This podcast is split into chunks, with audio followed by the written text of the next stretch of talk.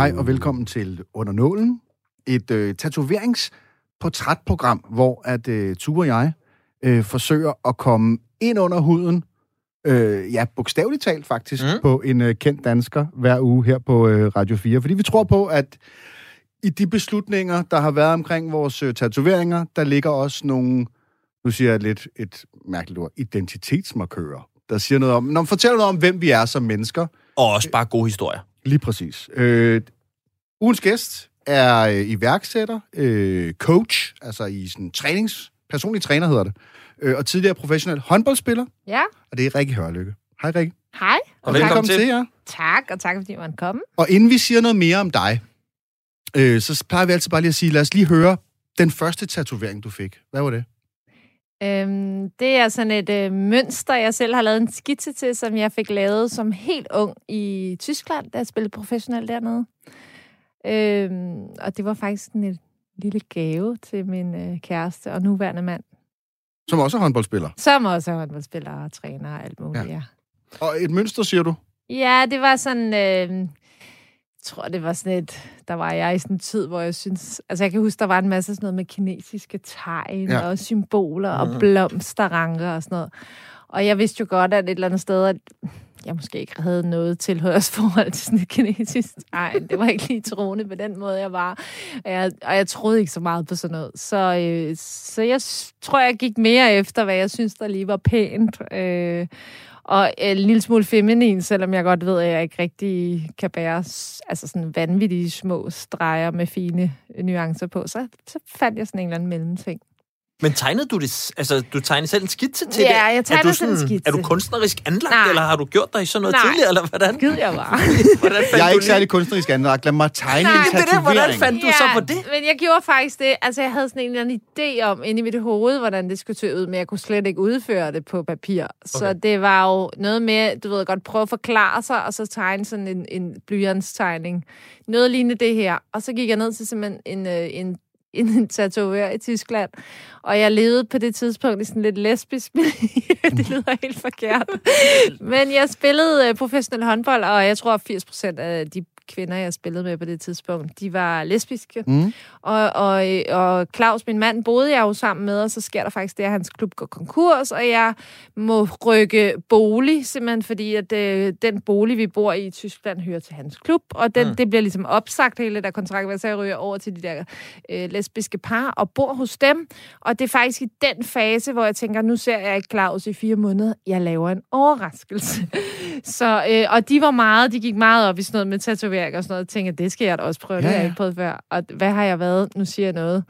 Jeg har været 21 år, eller sådan Okay. et eller andet. Altså, så jeg har vel ikke været... Nej, jeg var meget pur og vidste ikke bedre. Men altså, når det er sagt, så gik jeg ned til den her tatover og prøvede at forklare, ligesom, hvad jeg godt kunne tænke mig. Og han øh, lavede så, øh, du ved godt, tegningen til det, og, Mm. og så fik jeg ligesom udført den på kroppen. Jeg har allerede 3, 4, 5 spørgsmål om den, men du vil du sætte nogle flere, flere ord på, på Rikke, inden, Ja, at, men jeg inden jeg har, bare stiller Ja. nogle vildt private spørgsmål til hende.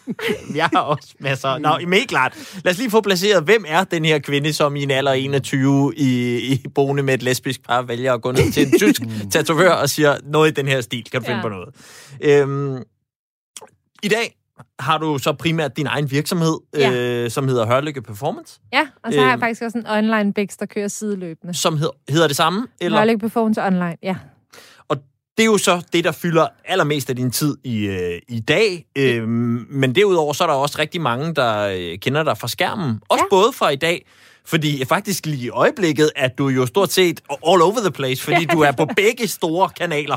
Øh, om morgenen kan vi følge dig i morgentræning på DR, og så øh, senere på aftenen, i hvert fald en dag om ugen, så har du i hvert fald været øh, fast figur i øh, korpset Ej, du har på været TV2. TV2. på, på retsak. Mm-hmm. Ja, ja. Ja, af for pokker. ja som, nej. som jo er det her program, hvor at, øh, en række kendte danskere bliver udsat for benhård soldatertræning. Det må man sige ja til. Øhm, Lille smule psykopatisk, men øh, Det ser rimelig hjernedødt. Det ser- det er også ud. lidt hjertedødt. Men sådan er det jo. Nå. Det skal man jo ud og prøve en gang imellem. og derudover så er der selvfølgelig nok øh, allerflest, der kender dig for din tid som øh, håndboldspiller, hvor du jo øh, også øh, var på landsholdet i en Mm. lang årrække og har været med til at vinde blandt andet EM-guld og OL-guld. Ja, tak. Det ved jeg, vi også kommer til at tale om, øh, fordi jeg har smugkigget lidt på nogle af dine tatoveringer.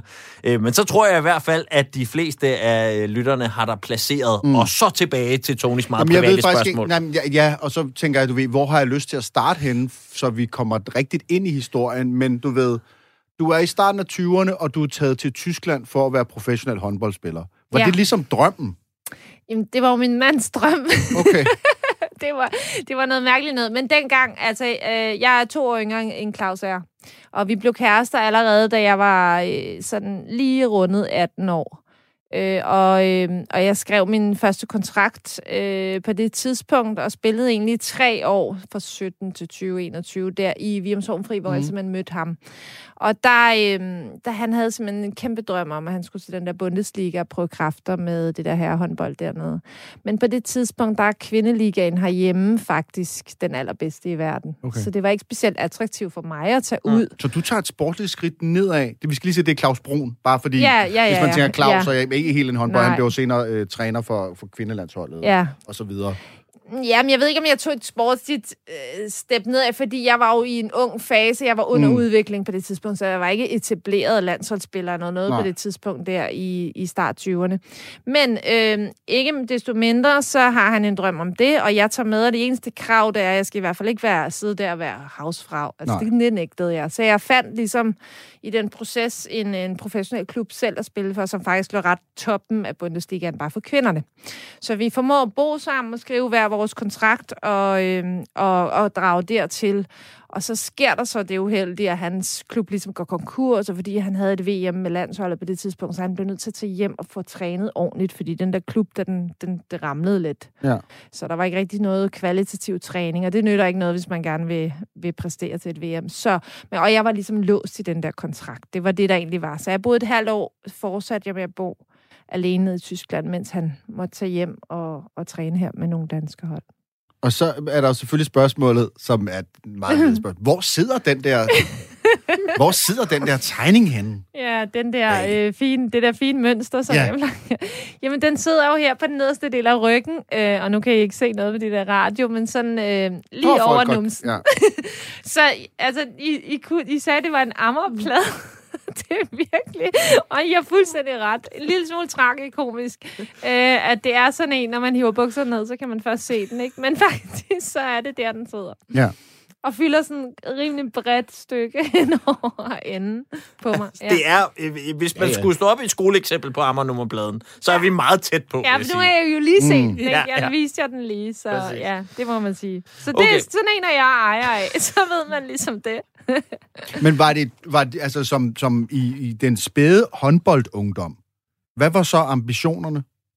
Jamen Altså, altså hvem, var, hvem var hende der Rikke på, på start 20'er, som ligesom tog til Jamen Tyskland altså, jeg var håndbold? Claus, Claus Bruns kæreste på det Okay. tidspunkt. Altså, det var ham, der ligesom var, den, Han var landsholdsspiller Ja. og kæmpe talent, og kommer ud af en familie, hvor de alle sammen er landsholdsspillere. Ikke? Øh, så øh, altså, jeg vidste jo godt, jeg havde talent og sådan noget, og det der med at få sin første kontrakt er jo også en kæmpe, hvad kan man sige, en kæmpe præstation i sig mm. selv, synes man jo. Man føler jo virkelig, shit, der er nogen, der gider give penge for ja, ja. den der hobby, jeg lever, eller gjorde ved siden af, at det lige pludselig kan blive noget af min levevej i det mindste. Mhm. Ikke?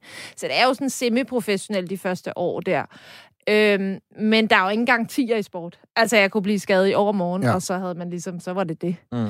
Øh, eller, og der er alt muligt, det der er sværest i de år, det er jo, der er sådan alt muligt valg om at gøre en masse andre ting. Altså, tage ud med venner, og Klart. tage på ferie, og gå på druk, og tage til fester. Og det gør man jo også, men bare meget mere med måde, fordi man godt ved, at man ligesom skal op og træne lørdag morgen kl. 9, Mhm. og man skal ligesom kunne spille en kamp hver søndag. Ikke? Øh, så, så det er jo en anden, hvad kan man sige, Mm, det er en anden prioritering, man har i de år, når man lever af sin krop, som man gør, når man er atlet. Så det er bare øh, anderledes. Man tager nogle valg og er nok sådan en nørd, sådan en sportsnørd, tror jeg tit, man blev puttet i sådan en kategori, ikke? Øh, fordi man aldrig rigtig lige var med til sådan, sådan helt det helt Var du ikke også sådan en Team Danmark øh, Jo, det var jeg nemlig. øh, type der? Jo, jeg søgte ind på Team Danmark efter og- 9. og Ja. kom ind i et fireårigt forløb der. Ja. Så jeg går i gymnasiet fra jeg er de der 15 til 19 år, ikke? Øh, på Virum Gymnasium Ja. også. Ja.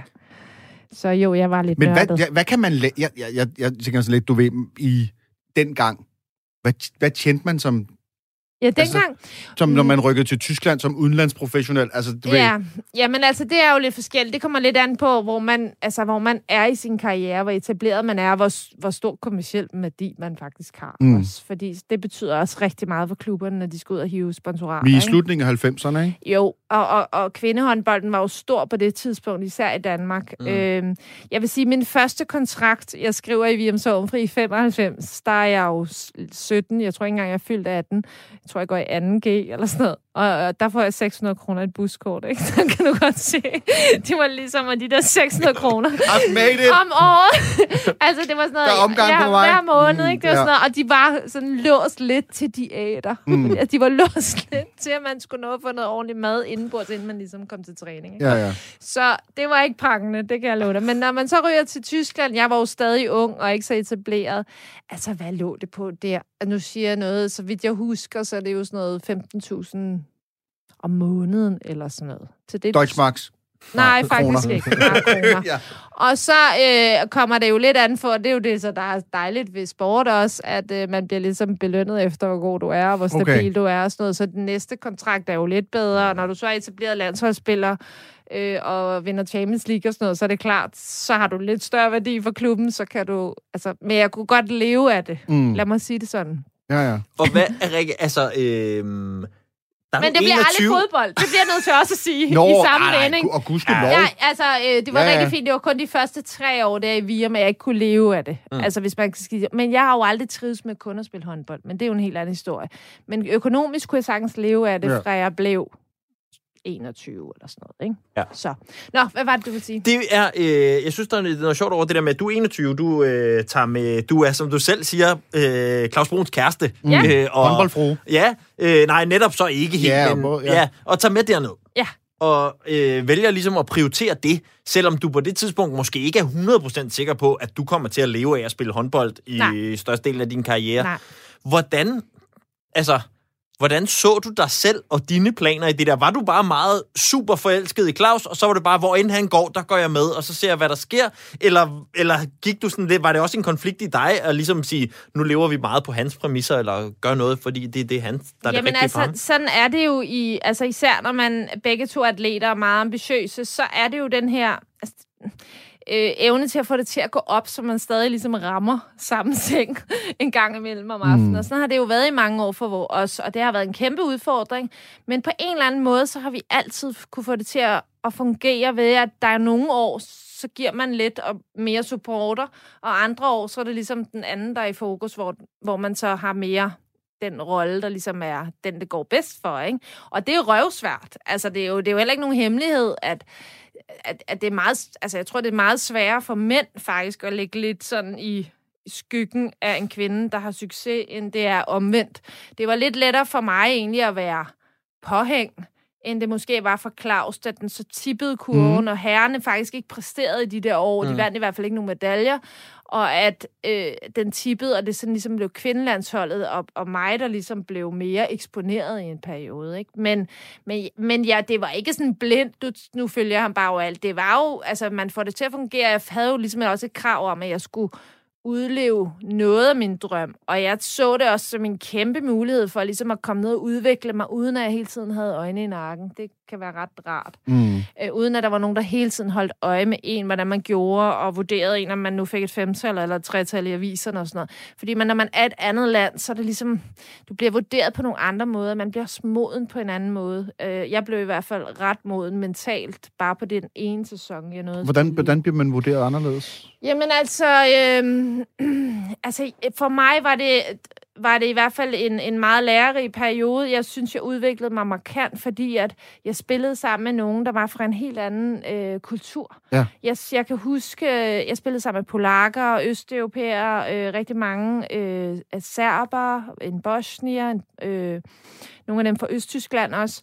Og, og det var som om, at... Øh, man lærte ligesom at se det perspektiv. Der, der følte jeg mig som sådan forkælet skandinav. Okay. Ikke? Ja. Øh, der, jeg skulle satme ikke brokke mig, ikke? Mm. fordi Nej. jeg vidste jo godt, at de lå og sendte 80 procent af deres indtægt ind hjem til familierne, ikke? fordi der ligesom ikke rigtig var nogen, der havde noget arbejde derhjemme. Så det var jo en anden ydmyghed, hvad kan man sige, vi, jeg havde omkring sporten. Så det var jo sådan noget med at flette næbet og bare knive ballen sammen, for jeg skulle ikke begynde at synes, at det var lidt hårdt, for jeg kunne se, at der var nogen, der faktisk havde det meget hårdere end mig. Og jeg kan huske faktisk, der i 98, der spillede jeg på hold med to, der bor, hvor deres familie bor i Beograd, og der bombede de Beograd for alvor. Og, og det er sådan noget, de kommer jo til træning, og nu har jeg ikke haft kontakt med min familie i otte dage, fordi mm. de er ligesom gået i bunker, ikke? Altså, og så får det bare en til ligesom et øjeblik lige at stoppe op og sige, kunne det godt være, at jeg skulle være med at brokke mig over, at jeg Ja. har lidt tunge ben. Der er dag." mere til livet, end at være Jamen, 20 det er jo og det. bo i en håndboldhal. Og, Og det, ja. her, ja, og, og det der med at synes, at jeg ikke lige får spilletid nok, eller jeg ikke lige får, Ja. ja. du ved godt, det bliver ligesom bare pakket stille Så perspektivet ændrer sig. Ja, det synes jeg. Og, og, og den mentale tilgang, jeg havde en psykopattræner dernede, som bare øh, havde en, en tysk ledelsesstil, der hed, at nu, okay. øh, du ved godt, øh, nedgør jeg dem en, en, enkeltvis, og så skal de ligesom vise, at de har Nej. ved at samle hinanden Altså op. sådan, altså sådan en Ja. altså sådan en MeToo-agtig... Øh... Ah, nej, nej, nej, nej. Mere sådan uh, mentalt, uh, du ved godt, så kører han på en hel træning, til hun ligesom bryder sammen. Og så er det ligesom Ja, ja. andres opgave at gå hen og få hende op igen, ikke? Og, men, Ja. ja, ja og, og det lyder lidt hårdt, men det var faktisk, altså det gjorde faktisk, at de, de piger, jeg spillede på hold med i den periode, jeg, jeg ville satme gerne brække en arm for dem. Ja. Altså sådan havde jeg det jo. Øh, fordi at, øh, og han skulle bare overhovedet ikke, man havde sådan en beskyttertrang. Mm. Øh, så hvis der var en, der rørte en, så lærte man også, altså når der var nogen, der havde smadret mig for eksempel i et angreb, så når jeg kom ud og skiftede mm. med en forsøg, spurgte de, nummer, jeg laver lige en bytter for dig, ikke? Okay. Og så wow. blev der lige delt ud i den anden ende, og så var vi ligesom lige. Vi var- Vi er nødt til også lige at høre, Rikke. Hvad Ja. sagde Claus Ja, så til, til gaven. til gaven? Ja. Det er overraskelse, fordi jeg Jeg tænker, jo det lyder som noget sådan noget, du bare finder på, og så er jeg meget spændt på at høre, hvordan det bliver modtaget. Jamen altså, øhm, det, det, altså han finder jo først ud af det, og nu siger- det lyder det, jeg, jeg kan næsten ikke engang få mig selv til at forklare det. Men der sker jo faktisk det, da jeg ligesom er færdig med min kontraktperiode øh, i, i start juni, ju, lige slut juni, deromkring. Mm. Lige inden sommerferien, hvor mm. kontrakt, der, der spiller vi faktisk et pokalfinale stævne og bliver pokalmestre med det hold, jeg er en del af nede i Bundesligaen. Og så Claus, han skulle til VM i Ægypten med det danske herrelandshold. Og, øh, og vi har så lagt planer om, at jeg ligesom skal flyve direkte fra Frankfurt. Øh, efter jeg har pakket min lejlighed ned, så skal jeg ligesom flyve ned til Ægypten for at se hans VM, og sådan ligesom holde ferieagtigt, mens jeg støtter ham. Øh, og han, har jo ikke, han ved jo ikke noget om det, så det er faktisk først efter, de er færdige med at spille VM og sådan noget, og vi sådan ligesom kommer til at bo på samme værelse, oh, ja. at han faktisk, at jeg får vist ham min tattoo. For det er jo sådan en, nu siger jeg, det er jo sådan en sexy, det er jo en sexy gave. Sådan en, man lige står og vender lidt. ja, ja. ja, ja. Ej, jeg, jeg kan faktisk ikke helt huske, hvordan. Men, men, øh, men jeg kan huske, at jeg stadig brugte sådan noget vaseline. Til ligesom at holde den... Ej, men er det ikke det, man får på? Jo, jo, Ja, Og så sådan sådan noget- noget, øh, sådan noget film over, Ja, ja. eller hvad det var for noget. Præcis. Ja. Det havde jeg, jeg havde ligesom fået sådan en bøtte med af ham, der tatoveret, så det var jo, nu siger jeg noget, det var jo lige inden. Jeg fatter heller ikke, hvordan jeg bare spillede håndbold med det, men det gjorde jeg jo bare. Nej, nej. Ja. Ah, ja. 21, fordi der ti- kan man meget. Hvad? Når man er Shortsene 21, så og- kan man meget. Ja, ja. Også Altså, det så jeg man sikkert bare ikke. igennem, Man ikke? tænker ikke så meget Nej. over, det lige løber lidt ud. Ja, ja, og præcis. Herregud. Nå, undskyld. Du kan det simpelthen var- ikke huske, hvordan han reagerede? Åh, jeg kan synes, det var, han synes jo, det var mega frækt. Ja, ja, Ja, ja. præcis. Men jeg ved ikke lige, hvad han tænkte og sådan noget. Jo, men det, jeg synes jo bare, det er sjovt at sidde og tænke tilbage på. Også lidt fjollet. Men sådan er det. Der var jeg, da jeg var 21, 22, eller hvor meget vi nu nåede. Og så lige i Ægypten, hvor man må heller ikke få sol på den. Nej, og nej, det var må heller ikke... godt, tror jeg. At man ikke lige flashede sådan en der. Nå, Ja. man kan jo godt. Det, der er jo masser af områder, hvor man kan ligge på en, øh, en sådan en Nej, men en jeg kan faktisk, når jeg har normale underbukser på, så kan man ikke se den. Og hvor lang tid går der så, før du får din næste tatovering? Jamen, øhm, der går jo faktisk fem år. Ja. Og, øh, og øh, jeg kan huske, altså jeg var, da jeg kom hjem fra Tyskland, der skrev jeg en kontrakt med FIF. Øh, øh, der i august 99 må det så være og, øhm, og, og spiller så i den danske liga der efterfølgende. Claus er så i, tilbage i Virmshornfri faktisk en periode. Øh, og, og der kan jeg huske, at der tager det virkelig fart for mig, det er omkring år 2000, hvor at mange af de gamle, sådan er det jo nogle gange inden for sport, nogen skal ligesom øh, ikke give det mere, før der ligesom bliver plads til nogle andre. Ja. Og rigtig mange af dem, som ligesom havde været med fra 96 op til 2000, de er ligesom med til at vinde OL i Sydney i år 2000, og jeg er med i træningslejren hele vejen op til, og jeg er ligesom sådan en ung en, der står og venter på, at der er nogen, der bliver trætte nok, så jeg også kan få mine fem minutter, ikke? Altså, og, øh, og, øh, og da de så ligesom vinder Gud, jeg bliver den sidste, der bliver sorteret Nej. fra, inden vi tager til OL i Sydney. Jo. Og det, dem har man altid så ondt af, synes Nej, jeg. men det, altså, jeg var jo med i træningslejr, jeg kendte præmissen. Sådan er det jo. Der var nogen, de var bedre end mig på det tidspunkt. Så det var dem, der Ja, skulle ja. udtages. Men man har jo hele tiden, man er jo reservespiller på den måde, at hvis de bliver skadet, så skal man kunne træde ind. Så man bliver nødt til at være med i alt det der træning op til, fordi der skal heller ikke være for langt imellem, du ved godt, spiller nummer tre på pladsen. Mm. Og den nummer tre var mig i det, øje- i det, i Du det playmaker, ikke? Jo. Eller midt. og det var Camilla Andersen faktisk, og, og Lotte, og Lotte Kærsgaard. Ja, Ja, ja, de ja var også Camilla, de var vanvittigt dygtige. Ej, Der var ikke Camilla noget, de var var mere modne og sådan nogle ting. Ikke? Så det var ligesom dem, Ja. og da de så... Jeg kan huske, jeg sidder og ser dem herhjemme vinde det der OL-guld, og der siger jeg faktisk sådan lidt højt til Claus, det der, det skal jeg sat med prøve en dag. Nu Ja. husker du mig på de næste fire år. Jeg skal gøre alt, hvad der er ligesom. Og, og han griner lidt, og vi synes, det er lidt... Og så, øhm, altså, og, og der var det faktisk det her med, hvis jeg står der en dag på den der skammeløv, så skal jeg sat med have en tatovering op på håndledet, ikke? Okay. Øh, med mit OL-guld. Og, og, øhm, og de fik lavet nogle på anklerne, tror jeg, Ja, dengang, mange af rigtigt. de der piger. Og så øh, griner man lidt af det, og de kommer hjem for OL og sådan noget. Og, og det der med, at det er så fire år senere, der står man i Athen, er ude i sådan en finale med to gange omkamp og straffekast, og vi vinder så det der fucking guld. Mm. Ikke? Altså, det var jo simpelthen surrealistisk, når man har stået og sagt det højt fire år inden. Og så kan jeg huske, at, ah, nu kommer historien, at Jan Bytlik, han havde jo fra år 2000 havde han OL-ringen. Og han havde, Nå. du ved godt, han ville ud og have skrevet gang to. du ved godt, lige efter finalen. To streger på armen ud for Nej, men OL-guld. sådan, du ved godt, Ja, ja, han ja. havde fået lavet ringene på skulderen, tror jeg, det var. gange han to. havde skrevet gang to Det er fedt. under. Det er virkelig Øh, du ved godt, lige efter finalen Ja, ja, ja. ja. der i Athen. Og så mig og ham, vi ryger ind i en taxa lige efter finalen. Vi har lige været i bad, og sådan helt... Og der er nogen, der siger, at vi skal være nede. Der er en masse, du ved godt, Stop, kommercielt vent, vi skal være stive. der på havnen. Du ved godt, vi havde jo spillet om formiddagen der. Er I klar over, hvor lang en fest det bliver, når man er færdig med at spille kl. 12 om formiddagen, den her finale? Og jeg kan huske, at TV2 sådan noget, at der er noget kommercielt nede på havnen med studier, I skal hyldes, og sponsorerne og sådan noget. Vi skal have den tatovering, så vi røg ind i en taxa, mig og ham, Ja. og kørte Athen rundt for at finde tatovør. Og det var sådan noget, ej, de må have åbent her, og så og googlet, og taxichaufføren og sådan noget, ikke? Vi kørte, altså vi snakker om, vi var fem forskellige steder, men det var fucking Nej. Og hele lortet var lukket på en søndag. Altså, det var forfærdeligt. Ikke at kunne få lov til at få den der, Der er, skide tatovering. der er jo heller ikke noget værre end det der øjeblik, hvor man føler, nu er vi crazy. Ja. Altså, nu gør vi noget Ja, spontant. og så kan man ikke få lov. og så kan man ikke få lov at Især når man er Jan Pytlik. Det Altså, var så er han så huske, Er han så vild? der- Jamen, det, han, han var... Jamen, prøv, at- Ja, det nå, alle var vel op og køre oven på den kamp der. men prøv det er ikke kun der. Nå, okay. Nu siger jeg ikke mere. Men, men fordi Ej, det er en helt anden, det er et helt andet Ja. program. Ja, ja, okay. ikke? Det er Og programmet ikke, om Jan ikke noget, der bliver optaget. Nå, det var Altså, fordi i lidt, fjernsynet, der slukket, så ser han jeg jo så ordentlig ud. Ja, det er rigtigt. Altså, han kan godt blive sur nogle gange, kan jeg huske sådan lidt. Og Jeg du skal... dig for, at øh, Okay. okay. nah, den tager vi lige, når vi er slukket lige om lidt. Nå, når det så er sagt, så ender vi med at køre rundt i næsten halvanden time i Athen. Mm. Forestil dig den der lidt antiklimaks, at Ja, jeg har ja, ja. besluttet sig, og så kan man ikke, det kan simpelthen ikke lade sig gøre. Nej. Så det ender jo faktisk med, at jeg venter til jeg kommer hjem øh, til København, så får jeg lavet den inde på det, der hedder Kunsten på kroppen, som ja, okay. er et tatovørsted her, ikke så langt herfra. Da jeg kommer hjem igen, ikke? Så, ja. Må jeg lige Det- se ring? Ja. Og, det, og så siger folk, ej, skal du ikke have tegnet den op, og den er lidt skæv, Guld, og tænkte, du ved ja, godt, for ja. den var også sådan et, jeg kom ind ad døren, kan du lige? Ja, ja. Du ved godt, jeg vil gerne have noget med. Og så siger folk, jamen den lidt, og jeg har det sådan lidt, nej, den lavet, den hører sådan så den ud. Mm. Den er, du ved godt, måske ikke sådan helt øh, synkron, den er ikke helt lige, det gør ikke noget.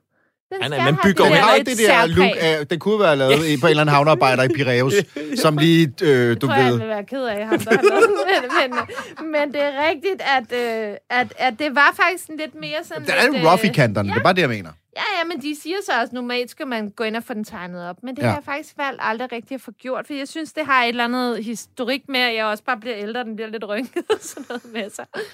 Og hvad, jeg synes, det er sjovt, det der med, var der ikke nogen af de andre holdkammerater, du ligesom prøver at få med, eller hvordan er det, du ender bare Nej. dig og Pytlik? Ja, det, gør- og, og, og det var fordi, jeg havde besluttet mig inden. Ja. Altså, så jeg vidste bare, hvis det her... Og det er jo sådan noget med, da vi først har... Gud! Jeg har sagt til mig selv, jeg ville det der agtigt, ikke? Fordi man, den tænker, tanke er jo ikke noget, der fylder, når man står i det. Men den fyldte lige bagefter. Øh, ja, men de andre, jeg tror ikke... Altså, jeg ved ikke rigtig, hvor de var henne i det der. Jeg ved ikke, hvorfor de ikke... Jeg tror også, der er nogen, der har fået lavet mm. noget. Men, men, men ikke så spontant. Ja, for jeg måske- troede nærmest, det var sådan en... Altså, fordi jeg synes, det er ofte, man hører, Ja. du ved, Ja, ja. også nogle svømmepigerne Ja. har øh, mange, tatoveringer.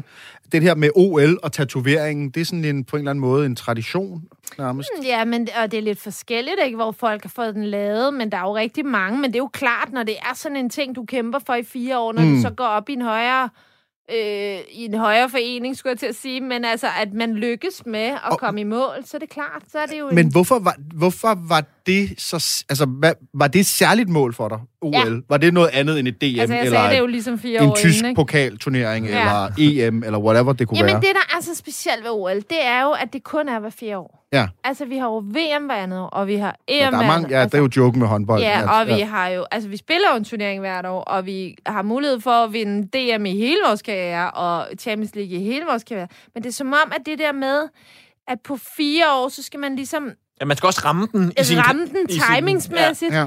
Og som hold, og Ja. som alt muligt. Der er rigtig mange ting, der kan nå gå galt, men den der forløsning af, at man ligesom på en eller anden måde får det til at gå op i en højere enhed, at man ikke bliver... Altså, jeg blev jo også... Altså, min første rigtig skade sker jo faktisk i marts 2004, hvor okay. At jeg får en takling i en Champions League-kamp, så min, jeg har en skrue i skulderen, og den er Okay, helt så det er at jo lede, og et dumt tidspunkt i forhold til et Ja. OL, ja. Hvor de siger til mig, der går mig et halvt år, før du kan spille igen. Det kommer ikke til at ske, Okay. for jeg skal vinde det der OL. Ej, du er håndboldens Wayne Rooney. Ja. Kan I huske det Så der? det sker bare, altså det er jo det der med, der, Ja, ja. At, at man sådan beslutter sig, jeg er røvheldig og hele så hurtigt alt det her, men det var bare med til lige at være et kæmpe bump på vejen, og så det var, gjorde det endnu mere vanskeligt ligesom at få det til at lykkes. Og det var jo en, ikke bare for dig et højdepunkt, det var jo også for Danmark et Ja. sportsligt højdepunkt, også fordi det slutter med den der fuldstændig vanvidsafslutning i finalen. Og jeg har faktisk øh, fundet et lille klip frem fra, ja. øh, som jeg Ej, har lånt fra vores gode venner over på øh, DR, øh, så man lige kan høre lidt om, hvordan det lød der, da det hele blev afgjort i efter dobbelt overtid mod Sydkorea Ja, og straffekast. og straffekast. Vi finder det lige frem. Det kommer her. Hvis du skal lytte med, du har Jeg allerede... har bøffer på. Og så er det altså Mikkelsen her, der bringer guldet til Danmark. Danmark har vundet sin tredje olympiske finale på stribe efter en djævelsk spændende kamp. Pas nu på, at der ikke opstår skader. Der ligger jeg altså helt nederst i bumpen med et bøjet knæ. Henriette Mikkelsen med det afgørende kast. 38-36. Hein Mortensen ligger formentlig nederst i klumpen, og hun blev den helt store spiller på en dag, hvor vi Ja, således lød det altså, Rikke. Ej, Ja, Karin Mortensen redde et par straffekast Ja, der. det gjorde hun nemlig. Ja. Det var fantastisk. Det Altså, det, jeg kan bare til. huske, at dronning Margrethe sad sådan heroppe, og, og, og, og vores træner, ved du, hvor han stod henne? Nej. Han stod i den anden ende, han, inde under tribunen. Han nægtede at se. Ej, Han kunne ikke være i det. Da han havde uddelegeret alle dem, der skulle skyde, så gik han. okay. Skulle du egentlig have? Jamen, jeg skulle sgu den næste runde. Okay. Nå, Man har jo fem, Ja, ja, fem, og den vinder vi jo. Ja, fordi de Karin brænder et par gange, ja. Og så scorer Henriette Mikkelsen, så de ikke kan nå at ligesom indande. Men ellers så er det jo sådan det derefter. Ja. Ja. Så tager man, du ved godt, ligesom i fodbold. Ja, ja. Ja, klar. Og hvad står du derude og tænker i forhold til, at hvis I ender der, så skal du, altså, hvad- er, er du... Er du klar til at du- tage det er du- kast? Er du Ja, ja. iskold? Okay. Ja, ja. Nå. Det gør man jo, når man er der. Ja, ja. Altså, det var, jeg var ikke bange for det, men det, jeg, jeg var også udmærket klar over, at de fem, der skulle skyde, det var dem. Altså, hvis jeg havde været træner, havde jeg valgt de samme fem. Ja. Så altså, man har jo, det kender man jo, at man har jo sådan hierarkisk, hvem har været vant til at skyde meget ved deres klubber, og hvem har det rigtige spændingsniveau i forhold til at skulle ind og lave sådan et afgørende. Altså, det er jo også meget med momentum i turneringen at gøre, øh, hvem der ligesom får den chance. Ikke? Men Så er det, du ikke ved at skide i Nej. håndboldshortsene af tanken om, at Nej, du men måske det skal kaste et afgørende? altså. ja, tak, det er Men- spændende. men det er det kan jo jeg da huske sådan- fra sofaen. Du sad dernede og skulle Ja, måske ja, tage men jeg kast. tror, det er jo faktisk meget... Altså, når man er atlet, det der med at være i det og kunne gøre noget, en forskel, er jo egentlig ofte en mere fed situation, synes jeg jo. Fordi man faktisk øh, ikke bare sidder... Jeg kan også være helt vildt spændt på noget, jeg ikke selv kan afgøre noget med. Men det, man er i det, der er man jo pumpet med adrenalin, og man kan ligesom mærke... Men jeg har aldrig været bange for at præstere. Og det er jo det, der er med elitesport. Der er jo nogen, der kapper helt over og simpelthen får angst, når de mm. så bliver under for meget. Men det at kunne håndtere det der mentale spændingsniveau, det er jo også noget, man lærer over tid igennem sin karriere. Ikke? Nu var du så del af, af Pytlik-generationen, kan man sige, ikke? og I kom jo fra... Altså, var der et pres fra den for... Fordi altså, at håndbold blev så massivt i Danmark, og især hos kvinderne, i årene op til med Anja Andersen og Ulrik Vilbæk og sådan noget, du ved, det var sådan en hel fortælling i sig selv, som var sådan larger than life, altså, og større end sporten på en eller anden måde. Ja. Og så da der kom det generationsskifte, så kom I som det nye kul med Fruelund og mm. dig og Mette Vestergaard, eller hvem der mere var med. Touré og Ja. Line Daggaard og Alle sådan nogen. Og, sådan. Ja. Øh, og så skulle I pludselig til at være de nye Camilla Andersen Jeg og kan Anja love dig Andersen. for, at det var en svær tid. Ja. Ja. Altså, og jeg husker tydeligt, da de alle sammen, Tony Kærgaard og, øh, du ved godt, Tina Bøtsav, og jeg tror faktisk også, nej, Flor var stoppet på det tidspunkt, Camilla Andersen, øh, målmændene, Gitte Sunesen, Susanne Munk Lauritsen, ja. alle de der, de, de stopper efter det her Det er jo OL. navne, man kan huske i Ja. dag her så Ja, mange ja, det er efter. Altså, legender ved, hele man vejen kan- rundt. De havde jo også, de var jo med til at virkelig sætte deres præg fra 92 frem til Ja. år 2000. Nogle af dem, og nogle stoppede tidligere, øh, som Anne Dorte og øh, Rikke Solberg og sådan noget. De stoppede ja. nogle år før. Men når det så er sagt, så trak de jo ligesom stikket alle sammen, da de havde vundet det der guld OL i Sydney. Og det er jo i august måned. Men så ligger der lige et EM i Rumænien i december måned Åh oh, ja. som os, der ligesom var ikke havde rigtig været med til at... Men nogle af dem var jo stadig. Mette Vestergaard havde været med, og der var nogle enkelte, som havde noget erfaring. Øh, vi skulle ligesom til et EM, uden nogensinde at have spillet sammen før. Ja, okay. Og der bliver vi så nummer 10. Og jeg husker bare, Ja. at jeg næsten står, undskyld Danmark, vi er ikke lige så gode som de andre. Altså sådan på skærmen. Vi er de meget bløde ladies. Ja, ja, altså virkelig sådan, undskyld, vi ikke kan leve op til det samme, som de andre lige har Mm. gjort tre måneder forinden, ikke? Altså, det var forfærdeligt Hvordan har periode. man det? Ja, fordi du er jo Ja, en vindertype, det kan jeg jo godt mærke, Rikke. Jamen, det Hvordan... var så forfærdeligt. Altså, stå det næsten og undskyld for hele Danmark over, at man ikke var god nok. Ikke? Ja. Ja. Men, men det var der var en grund til det, og det var røv lærer, lærepenge, fordi det have været helt nede i muldet der, og grave dybt efter noget, og rejse sig igen, og komme tilbage til et VM i 2001, hvor vi åh, får en latterlig fjerdeplads, øh, altså, mm. men alligevel beviser, Du er okay. stadig irriteret over. Ja, det, det er faktisk Men let it de go. der Ja, altså, det er 20 år Irriterende. VM øh, fjerdepladser. Vi, jeg formåede jo aldrig at vinde VM. men Det var, jamen, det var forfærdeligt. den er også svær. Ja, det var nemlig noget med timing at gøre. Nå, men og så alligevel det, jeg tror, den forløsning efter overtaget det generationsskifte kom i 2002, hvor vi spiller EM på hjemmebane i Aarhus, og hvor vi ligesom vinder guldet på hjemmebane, ja. og ligesom, okay, nu har vi bevist, at vi kan Altså, vi kan godt øh, opretholde den her, det her høje niveau, ikke? Men det var, nogle, det var to seje år, hvor man ligesom, du ved godt, næsten heller engang selv troede på, at man Nej. nogensinde kunne nå samme højde som de andre. Men så fik I jo lov til at bygge det op selv.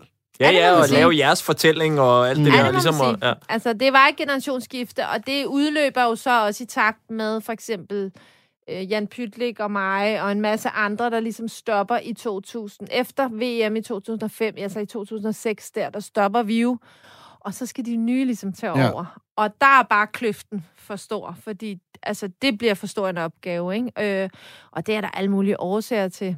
Men øh, jeg tror simpelthen, fordi vores liga havde været så præget af så mange udlændinge, så alle dem, der ligesom skulle komme ind og være etablerede landsholdsspillere, de havde ikke rigtig fået den erfaring med Nej. at stå og være de afgørende, faktisk, fordi der havde været en ligegyldig svensker, en ligegyldig hollænder, en ligegyldig... Altså, nu siger jeg bare Ja, ja. noget, men man har simpelthen devalueret sit eget produkt lidt. Så alle dem, der ligesom skulle stå klar, klar og have prøvet at stå i situationerne for klubholdet i Europacup, og Ja. skulle tage de der de havde bare ikke så meget mellem hænderne, og så lige pludselig, værsgo, her der er landshold, nu skal I lige, du ved godt, være dem, der tager de afgørende beslutninger. Og altså, som, de havde jo faktisk lidt ikke en chance, fordi de havde måske spillet minimalt i forhold til, hvad Mm. mm. en normal modningsproces øh, skal, man skal igennem. Men hvorfor var dansk håndbold, kvindehåndbold så, så stærke i, i så lang en periode, at de kunne vinde OL? Altså, det er jo tre gange i træk, ikke? Ja, 96 og 2000 og 2000. Prøv Altså, det er ret... Det er jo Ja, altså, det kan man jo analysere på alle mulige grunde. Der er en, en, en ting, det er jo, at vi har talent, og så har vi en vanvittig øh, kultur. øh, i foreningshåndbold herhjemme, som har, har været medvirkende til ligesom at skabe hele den her masse, mm. som talenterne kan komme ud. Og så vil jeg sige, øh, altså taktisk, indtil jeg stoppede, og nu lyder det mærkeligt, når jeg siger det sådan, Lige men det jeg mener jeg faktisk lidt, fordi derefter kom de andre nationer faktisk rigtig meget med. Vi var taktisk langt foran mange Ja. af østeuropæerne. Så man kunne taktisk... Vi var normalt, når vi mødte Frankrig, så var vi egentlig ikke... Vi var ikke større og stærkere individuelt, men vi kunne spille på deres svagheder, og ja. vi kunne, hvad kan man sige, spille omkring dem, Mm. og øh, skrue op og ned på tempoet, og taktisk, du ved, godt bruge nogle andre ting. Og det var faktisk rigtig ofte det, vi vandt med. Altså, vi var en lille smule klogere på håndbolden. Okay. Men det har de så kommet efter, kan jeg helt Ja. sige. Så, så det, taktisk er, er der rigtig mange øh, dygtige nationer i dag, ikke? og som også bare har en anden talentmasse, end vi måske lige har formået at skabe herhjemme. Ikke? Og udover lige øh, måske de her sidste 30 sekunder, og så de der halvanden time i en bil øh, rundt de her Atens gader for at finde en tatovering. Ja. Hvad, hvad, eller en Åh tatovering? oh, ja, det var tatoveringer, det Ja, om. hvad, hvad er så dine øh, minder fra den der øh, OL-slutrunde, hvor I vinder? Altså, øh, og både, det kan både være fra lejren og fra holdet, eller fra det sportslige. Hvad er nogle af de der højdepunkter, du, Vil du du virkelig gerne Ja, det vil jeg faktisk gerne høre. Jamen, der er jo noget af det, der er lidt under bæltestedet. Hvorfor det? Perfekt. Jamen altså, øh, jamen, jeg husker faktisk, det, altså, det var faktisk min møde med dronning Margrethe, og hvor jeg havde en cigaret i hånden, jeg røg dengang, og jeg stod i en sports-BH, jo jo jo, sports og øh, shorts, og åbnede døren sådan her, og så står dronningen bare. Hun ryger jo også.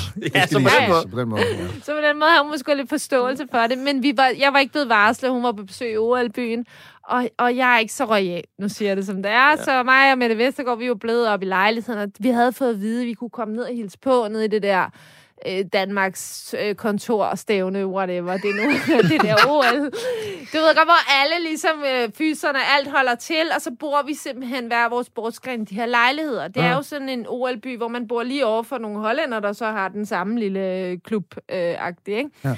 Og øh, jeg var måske ikke helt... Øh, nej, det, det går nok. Jeg ser hende jo til den der officielle ting og sådan noget. Og så havde chef de mission, Jesper, han, øh, altså ham, der ligesom er chef for hele OL-staben, han havde ligesom sagt, du skal da op. Altså, hun ville, havde et ønske om at se, hvor vi atleter boede. Mhm. Og så har han sagt, "Jamen, håndboldpigerne, der kan du komme op og se, hvordan Ja, de bor. Det er ikke? hyggeligt. Og øh, uden lige at sige noget om det. Ikke? Så ej, jeg siger, og nu... Så hvad, altså du er inde på værelset? Jeg, nej, jeg står bare i lejligheden. Vi ja. havde sådan en lejlighed, hvor vi havde fire forskellige rum, og så havde vi lavet lidt sjov ud af det, så vi havde ligesom taget nogle barndomsbilleder med, hvor vi er allermest tykke og grimme i velurtøj, for dengang vi var små, hængt op som på dørene. Og her boede Mette Vestergaard og jeg, for eksempel. Her boede, og så var der sådan nogle kikkede billeder med store fortænder. Altså Klart. alt det mest kiksede, mm. vi kunne finde. Og så, når man, der går også lidt kulder i sådan kvinder, så vi havde, du ved godt, klippet en masse ser hør mænd ud og tegnet på dem og hængt op på væggene. Og ja. du ved godt, der hang øh, øh, sportsbehår til tørre og sugersokker og underbukser, og sådan er sådan. Ja, ja. Der var lejerskolestemning. Ja, Ja, det fordi man bor der bare i tre uger, Mm. og det er bare, som det er, ikke? Og han kunne ikke, han kunne det mindste lige have sagt, du ved godt, så, så står man der Så det og banker åbner, simpelthen bare det på døren? banker simpelthen på, at jeg åbner. Og så, Og er det så bare står dronningen. Daisy simpelthen face to face. Det er fandme sjovt. Og så siger hun, jamen goddag. Mm. og mig sådan, og jeg får ikke sagt de, og jeg får ikke noget som helst. Og så siger Jesper stille og roligt, at dronningen har, hendes kongelige højhed har et ønske om at se, hvordan atleter bor. Og vi snakker om, hun går altså rundt i den lejlighed, og jeg prøver, du ved, godt at skubbe tingene ind over. Hun er ude, hun er ude på toilettet og se, hvor altså, altså, det er helt Inspektion nærmest. Ja, hun går rundt og kigger i alle rummene og sådan noget, ikke? Og jeg går bare og følger pænt efter og prøver at skubbe lidt og holder en hånd, og ja, men det er så latterligt, altså. Men øh, sådan er det. Ja, hun tog det nu meget, hun var meget cool med det. Det var det, der var det fede. Så, øh, ja. Det det her, jeg godt kan lide ved håndbold i stedet for fodbold. Det er, at Rikke i en bisætning bare siger, jeg røg jo på det Jamen, tidspunkt. det forstår jeg slet ikke Det noget giver af. jo ingen mening overhovedet. Altså en kvinde, der fire år forinden siger, det skal jeg opnå, men jeg vil gøre det, mens jeg ryger. Som en, som en form for forhindring. Men faktisk, så har jeg, jeg, jeg stoppede faktisk først med at ryge, da jeg blev gravid. Altså, jeg Okay. røg faktisk allermest, da jeg vandt allermest. Nu siger jeg noget, der er helt forkert, men det var bare... Og i dag lever jeg sundhed, ikke? Ja. Ja. Og lærer for sundhed fra. Men prøv at sådan er livet jo i faser, ikke?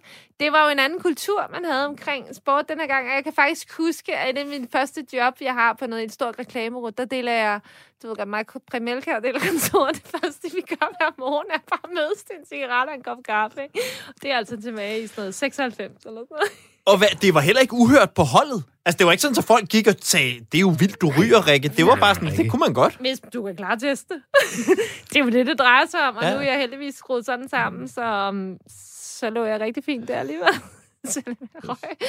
Men prøv at, jeg, det Men er nu jo har heller du. ikke, nej, men prøv at, der er jo forskel på at spille håndbold og være svømmer og konkurrere på øh, 100 dele sekunder. Mm. Fordi der er ingen tvivl om, så vil det have en kæmpe, kæmpe, kæmpe forskel. Men jeg kan jo ikke, om jeg ryger eller ej, kan jeg jo ikke gøre en skid ved højre fløj brænder i sidste sekund. Vel? Altså helt ærligt. Så hvis jeg har min basis på plads og i mit øvrige liv, så er det jo, altså, så er det jo ikke noget, der har den her store, store indvirkning. Nej. Det er i hvert fald, sådan var det ikke dengang. Det kan godt være, at nu skal jeg passe på, hvad jeg siger. øh, fordi vi ved jo meget mere om cigaretters øh, og røg øh, konsekvenser Man i vidste dag. ingenting der i, to, Nej, i starten af jo. nullerne. Du Lidt. Lidt. Jo. intet om cigaretter. Men- Men, der var ikke... Der var ikke Nu skal du give Rikke lov til at spille kortet. Det var en anden tid. Det var, det, var det altså. Og der var ikke nogen forbud, og det var ikke ydt at ryge. Og man, altså, man røg jo i... Altså, Ja. ja. nu siger jeg noget på gangene. Man røg jo på kontorerne. vi røg i radiostudierne. Jamen, Ja, det er jo det. Det var jo en anden tid. Man røg i S-toget, og nogle gange ned bagerst i bussen, kan jeg huske. Så gammel jeg. Fly og sådan noget. Ja. Ja, så det var bare en anden tid, og jeg tror bare, at øh, jeg tænker tilbage og tænker, Nå, det var da sjovt, at jeg var med til at opleve det. og så var det det. Nå, Ja. Hvad sagde. Daisy? Sagde hun noget, eller? nej, Hun sagde bare... Nej, men hun... Tak for altså, kigget. hun, nej, hun, jeg kan ikke huske det så meget. Altså jo, jeg kan lige huske den der ekspedition og sådan noget, men altså, der var jo mange fede oplevelser. Altså det hele Endjøsen græs sorbedans, det vi har fået der, med alle mulige... Jeg kan ikke engang huske, hvor de kom fra, dem jeg dansede til sidst, men det bliver lidt smule skørt til sidst i sådan en... Når man har været så koncentreret, det er det, der er ved sådan nogle mesterskaber. Mm. Faktisk er nogle af de fedeste, sjoveste fester, jeg nogensinde har været med til, det er dem, der sker sådan lidt hovedkuls, når du har været så meget i fokus mm. Ja. i så lang tid, og det bare drejer sig om, at nu skal man bare... Og så ender de der fester med, at man bare kommer hjem med et vejskilt under armen, og har en eller anden unga-bunga-dreng i den anden arm, ikke? Altså, der lige har fulgt dig lidt på vej, eller... Altså, sådan, Ja. ja. det var bare skørt, altså. Sådan var det også meget til ty kop. kan jeg huske. Det var meget den samme vibe. Det kunne jeg forestille mig. Nå, men det er jo Ja. et perfekt tidspunkt, Rikke, Ja. at sige, det er nogle af de bedste fester, det er jo fantastiske øjeblikke, være med til at Ja. vinde det der og sådan noget, og så lige pludselig bang, så er der et liv efter professionel håndbold. Ja. Hvordan fan var det så? Jamen, øhm, for mig var det... Øhm, det var sådan et... Mere eller mindre... Nej, det var ikke helt selvvalgt stop. Det var det altså ikke, fordi... Altså, det vil Claus nu sige... Ja, han, ja, han siger, Han er jo heldigvis ikke. det, det var ikke på en anden dag. Men jeg har faktisk lige forlænget. Jeg spiller i Slagelse på det tidspunkt. Og, øh, og har lige vundet Champions League året før. Øh, og, og, og DM sammen Slagelse. Og har ligesom, nu er vi i gang med nummer to af min sæson dernede. Og så øh, vælger jeg at forlænge yderligere et år med Anja Andersen. Og det gør jeg faktisk i februar måned, hvor jeg så siger til, okay, jeg tager et år mere. Men jeg, ved- jeg kunne godt mærke, at jeg var ved at være sådan mentalt midt. Mm. Og ikke sådan, fordi jeg ikke havde lyst til at konkurrere mere, men jeg tror sådan mentalt midt øh, ved, at jeg, jeg var røvtræt af at bo på et hotel. Mm. Hele tiden at være i træningslejr, bo, sidde i vente i en lufthavn, sidde i en bus hver evig eneste, du ved godt, to gange om ugen i i hvert fald otte timer eller sådan noget. Altså i de der åh, perioder, den der Mm. også følger med at være professionel atlet Klart. som er, at man bare er på et, øh, et hotelværelse rigtig meget. Øh, man er sådan en lille smule frihedsberøvet. Det er sådan, man kommer ned og kigger i den der buffet, og jeg er ikke så god til buffet i forvejen, men det der vokser lidt i munden, fordi det var det samme, du lå på de sidste 14 dage. Altså, og, Ja. ja. og, og det hele det der liv med lidt at være leve efter et eller andet schema på en dør og en, en klokke, der ringer, og så skal du trøffe ned ad gangen og ned og blive varet og få at vide, at du skal drikke en liter mere vand. Og, altså, du ved godt, det der meget monotome, hvor man lidt også... Nu er jeg ikke selvstændig i næste 14 dage, for jeg er lidt i træningslejr og lever lidt efter et schema. Mm. Det var jeg ved at være træt af. Øh, og jeg var, så jeg kunne godt mærke, at øh, kroppen kunne godt en masse stadig, heldigvis. Mm-hmm. Altså, jeg var ikke en af dem, der var tvunget til at stoppe på grund af en skade, men, men, men mit hoved, jeg ville også alle mulige andre ting her i livet, kunne jeg bare mærke.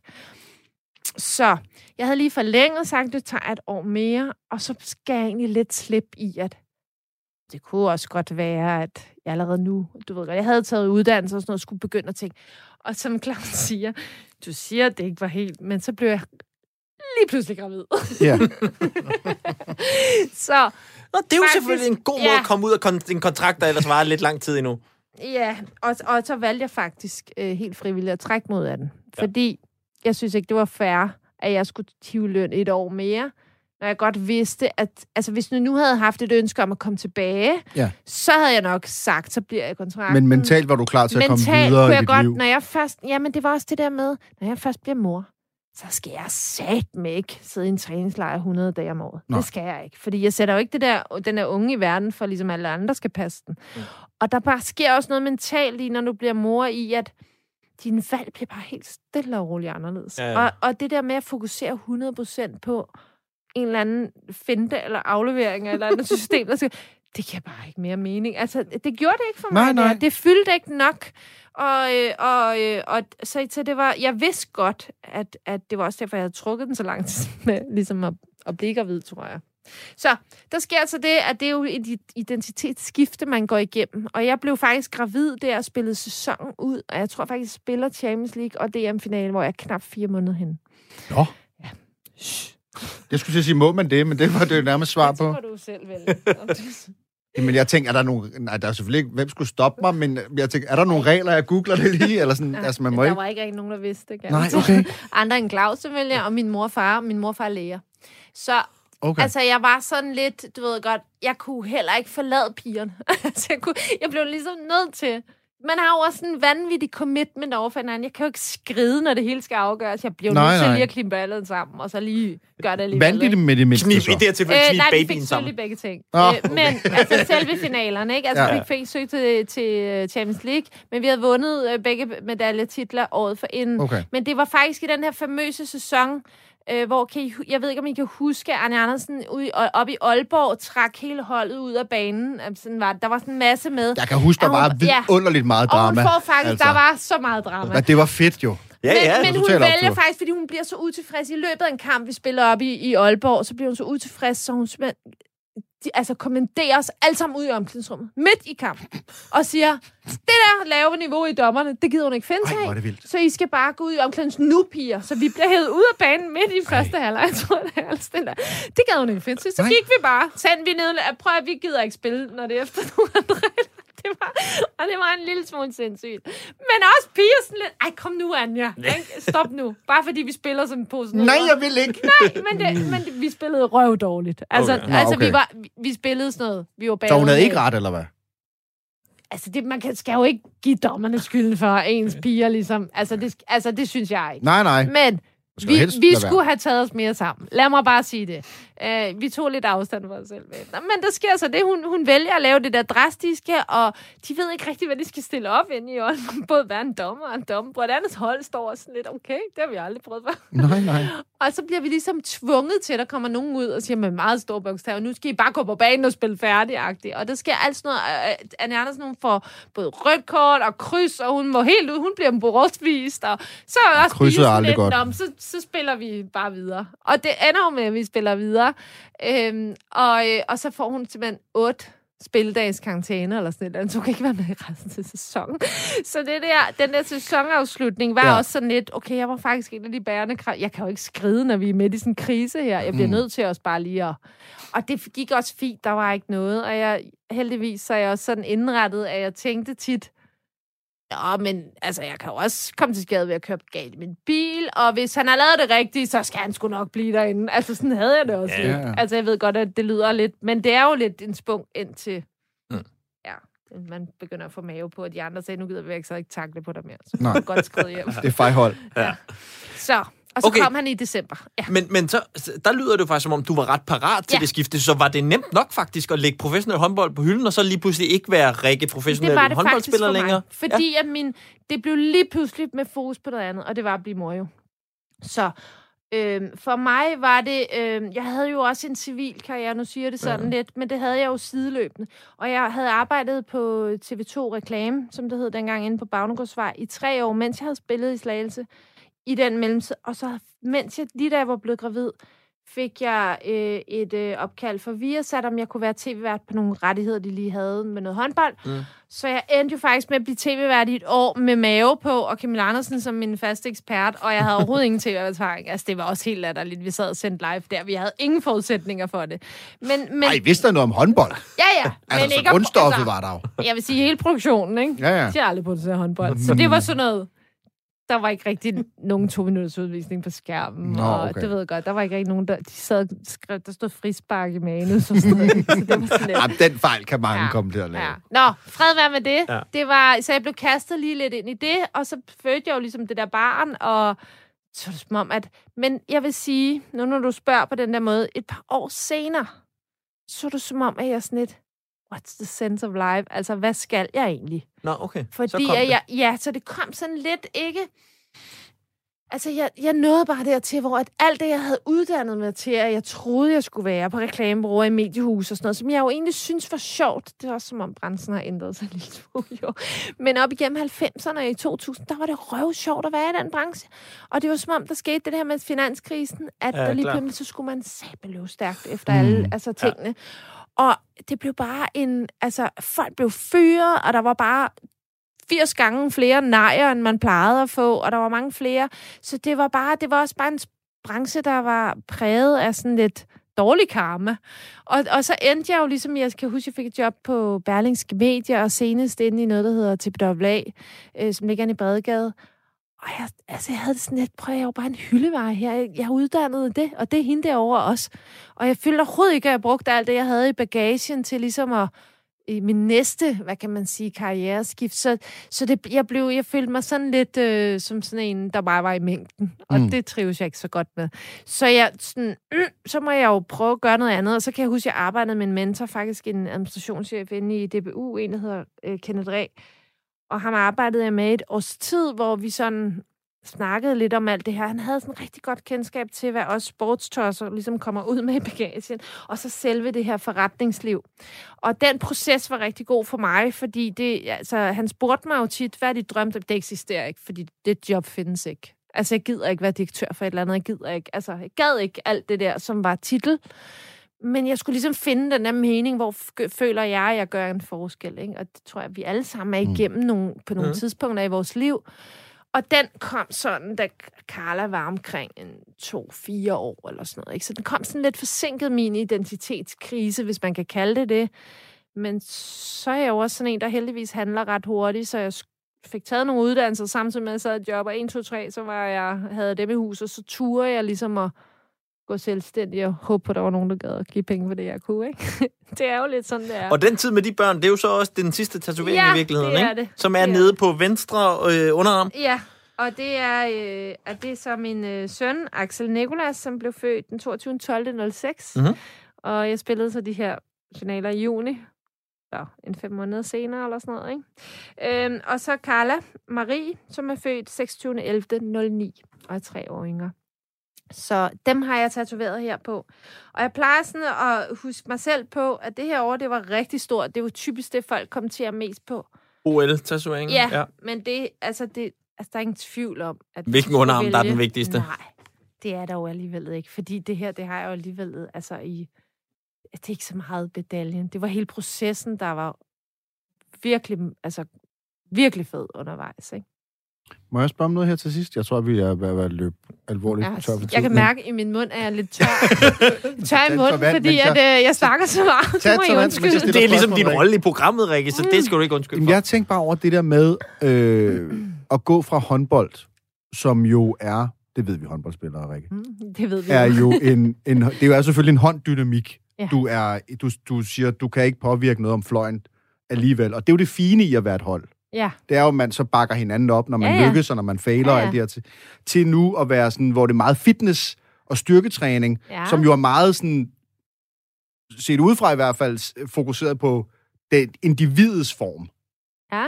Savner du den der holdting? Jeg har jo nogle enkelte. Jeg har, driver faktisk en netværk af ambitiøse øh, kvinder, Okay. som alle sammen, du ved godt, jeg samler dem. De har alle sammen en relation til mig, og så er jeg ligesom den, der laver Og så træner du dem, eller hvad? Så får de en mulighed for at være, de kommer faktisk tre gange om ugen. Der er mange af dem efterhånden.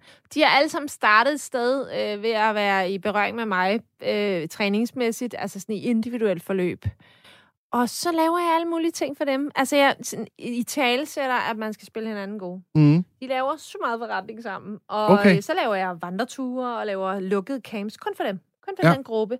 Og de spiller bare hinanden gode. Det der med at lære som kvinde, ikke at tid, tid, tid og misundelig, og nu, og, men lære simpelthen at spille bold op af hinanden, så Ja. man får mere ud af det. Det synes jeg er en ting, som er alt for lidt af. Altså, og især når man... Altså, Men er det noget, du har med fra håndboldkulturen? det ved jeg ikke. Måske er det også bare en del af min personlighed, det her med, at jeg aldrig har været særlig god på det her øh, kvindesniksnak. Altså, jeg har aldrig kunne navigere i det, så jeg har jo måske en lille smule mere testosteron end de fleste, men, men jeg har altid fungeret rigtig godt i de her lidt klare rammer, og vi Mm. skal kunne sige tingene, som det er. Det er jo ikke, fordi jeg ikke kan lide dig, jeg synes, du er dum og grim. Det er simpelthen, fordi jeg stiller et krav nu, fordi jeg gerne vil vinde noget. Altså en medalje. Så det er jo det her med at, og ikke at tage det for nært. Det har ja. jeg måske også en evne til ikke at gøre. Det er i hvert fald ikke, altså i det der korpset, det er ikke mig, der er noget galt med, når de står og snakker. altså jeg tænker jo bare, nej, hvor er det synd for jer, I, I taler på den måde. Det er jo fordi, vi mangler et eller andet i livet. Eller noget. altså, men, men, så jeg tager det ikke personligt, og Nej. det tror jeg har været en styrke. Det her med, som kvinder ofte kommer til at tage det lidt for nært. Så når man siger til dem, det er ikke godt nok, det du har lavet, eller jeg vil gerne have, at du gør sådan og sådan, så er det jo lige pludselig, "Nå, men så kan du heller ikke lide mig. Og så, det er overhovedet ikke noget med det at gøre. Jeg kan mm. rigtig godt lide dig. Men jeg kan ikke, altså, men, men vi bliver simpelthen Jeg kan bare ikke bruge det, du laver til Nej, lige præcis. Altså, det har jo ikke noget... Altså, og, jeg, og jeg er faktisk nået så langt, så ret, ret tidligt i min karriere, der så jeg jo faktisk, at de trænere, som var rigtig meget efter mig, altså råbte og skreg, og, ikke? Ja. Det er faktisk nogle af dem, jeg sætter allermest pris på. Det var fordi, de kunne se, at jeg havde et potentiale, jeg ikke fik ud i livet. Hvor de trænere, som bare har ignoreret dig og været sådan lidt, nå, så kan du bare passe... Altså, der føler jeg mig helt ramt, ikke? Altså, Mm. det, der er jo, det er jo det her med engagement og feedback, ser jeg jo som en kæmpe gave at få noget kritik. Det er faktisk nogen, der interesserer sig for, at jeg bare skal tænke lidt over, hvordan en indvirkning, jeg har gjort, eller hvad det nu kan være. Ikke? Så det er jo måden at tænke på i sit mindset, tror jeg også, hvordan du, øh, hvordan du anskuer det her med at være i en gruppe, øh, eller være individuel. Og, og jeg synes, jeg fungerer rigtig godt med mange forskellige mennesker. Øh, og jeg tror også, det var derfor, det lykkedes så godt med det her morgentræning. Fordi mm. jeg både kunne snakke med de unge, og jeg kunne også snakke med Hilda Heidt, der var lidt ældre, og mm. også en, der var en eller anden ambitiøs po- politiker. Ikke? Altså for mig var det meget naturligt at, øh, at gribe dem der, hvor de ligesom var. Og øh, jeg tænkte ikke i, at nu skal jeg behandle dig anderledes, fordi du tjener mange penge, eller dig. Altså, sådan, det fungerer ikke rigtigt for mig. Og det tror jeg, kan jeg mærke, at, øh, at, øh, at det er et rigtig godt pejlemærke for mig. At have det der, tage mennesker der, hvor de ligesom er. Mm. Rikke, tusind tak for øh, besøget. Selv tak. Det, Det var var en fornøjelse. Yes.